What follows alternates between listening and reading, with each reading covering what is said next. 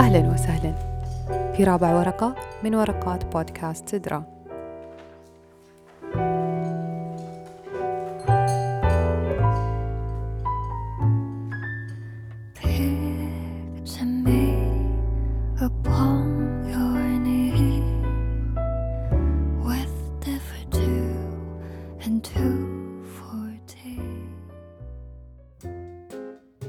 اليوم راح نبدأ بخبر لفت انتباهنا مؤخرا يتكلم عن نفوق 500 خروف في انتحار جماعي في شرق تركيا.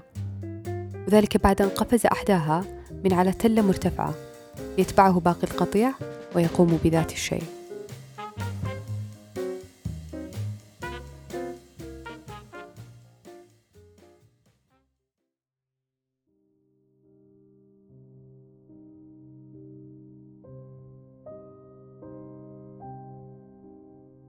من السهل التأثير على البشر وهم مستعدون لتصديق أي نوع من الكلام حتى وإن كان يؤذيهم.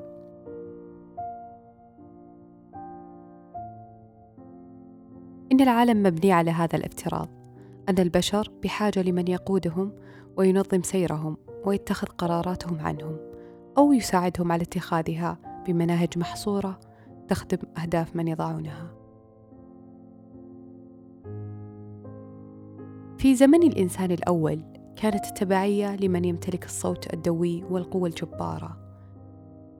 أما الآن فقد تطور سلوك التبعية برداء أكثر حداثة وأصبح مقياس الضمانة والمصداقية والثقة مرتبط بأعداد ربما تكون وهمية. واتخذت مقاييس المصداقية اليوم صورا تخلو من الصدق تماما.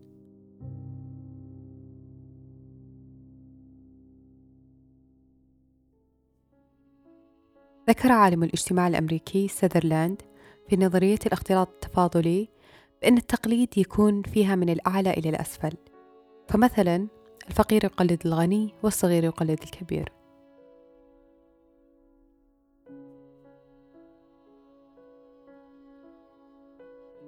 إنه لمن الطبيعي أن يتأثر الإنسان بما حوله وبمن حوله من أشخاص وأحداث.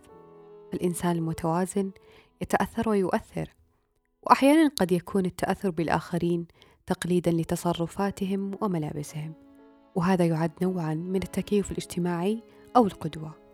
لكن المشكلة تبدأ عندما يتحول هذا التقليد إلى منهج حياة دون وعي أو تقييم لمدى مناسبته للشخص المقلد.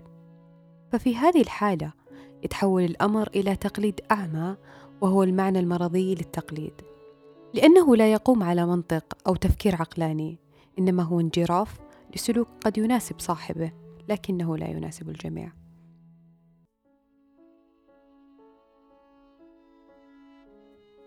جابرييل تارد عالم الاجتماع الفرنسي اللي طرح أشهر نظرياته في التقليد والمحاكاة واللي يقول فيها أن نشأة المجتمع ليست بمظاهر النشاط الجمعي وما الوسط الاجتماعي إلا أشياء مجردة وهمية مثل السراب تنتهي إلى لا شيء. لكن نشأة المجتمع هي بالسلوكيات الفردية وطرق التفكير والشعور.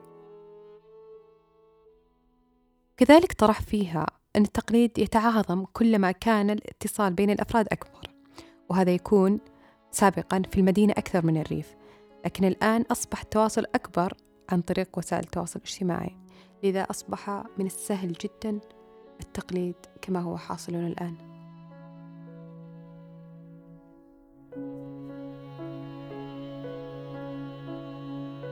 لقد فقد الكثير من الناس هوياتهم بسبب التقليد الأعمى والمشي خلف ما نسميه بالهبة. أحيانا يتم التقليد لكي يشعر الشخص بمأمن بأنه مواكب للعصر ولتطوراته لكن بدون أن يشعر. قد تخلى عن هويته وشخصيته رويدا رويدا. أحيانا بدون أن يشعر كذلك يكون تقليده مخالف لمبادئه التي كان يضعها لشخصه. إنه ليس من الطبيعي أن يتشارك الجميع نفس الهوايات ونفس الأذواق وحتى نفس الأحلام. اعتمادنا على تقليد الآخرين جعل فكر البعض محدود. إن كثرة التقليد والاعتماد على فكر الشخص الآخر قد يطفئ الإبداع الداخلي لكل مقلد. كونه أوقف عقله من التفكير بما يستهوي وجعله ينتظر الآخرين كي يبدأ بفعل ما يفعلونه.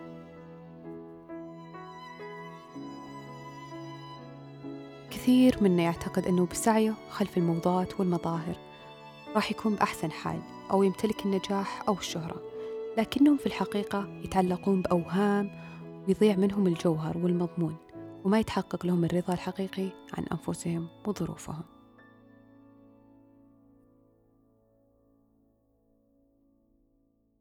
وفي الجانب الآخر هناك ما يدعى بسياسة أو عقلية القطيع التي تدخل أيضا في موضوع التقليد اللي فيها يكون تأثير ضغط العقل الجمعي في تغيير سلوك الأفراد العاديين. بعض الأفراد خصوصا في العادات السلبية يتبع سلوك القطيع في التقليد والمحاكاة والتماهي مع حركة المجموع. لأنه يخاف من الانفراد بالسلوك حتى لو كان سلوكه الفردي صحيح بذاته لكنه يفعل ذلك خوفا من كلام الآخرين أو تسلطهم عليه.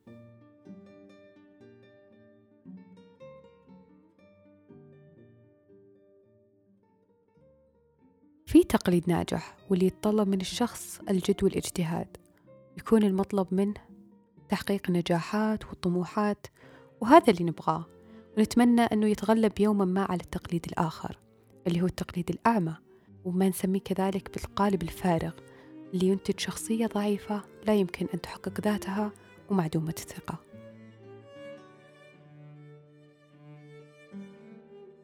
كثير منا يعتقد أنه بسعيه خلف الموضات والمظاهر راح يكون بحال أحسن أو يمتلك النجاح والشهرة لكنه في الحقيقة يتعلقون بأوهام ويضيع منهم الجوهر والمضمون ولا يتحقق لهم الرضا الداخلي عن أنفسهم وعن ظروفهم.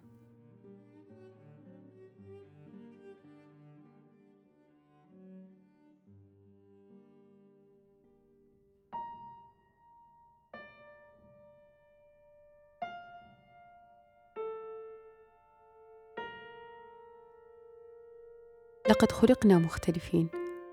لماذا نعارض هذه الحقيقة ونعمل بجد لكي نشابه الآخرين؟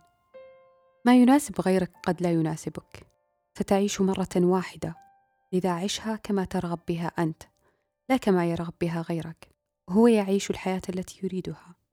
لماذا تمشي خلفه؟ كن أنت كن ذاتك. لا تكن شخصا آخر ولا تكن نسخة مكررة. أحدث فرقا بتفردك باختلافك.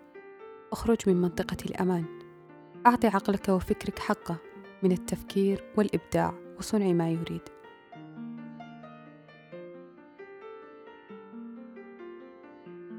كم سماعة لاسلكية لديك الآن؟ كم دورة أو ورشة عمل أو هواية قررت الانضمام إليها لمجرد أن الجميع انضموا إليها؟ انظر حولك الآن قد تجد أن الهبات التي سمحت للآخرين بإقناعك بها والتأثير عليك. لا تمثلك ولا تجد لها معنى بحياتك.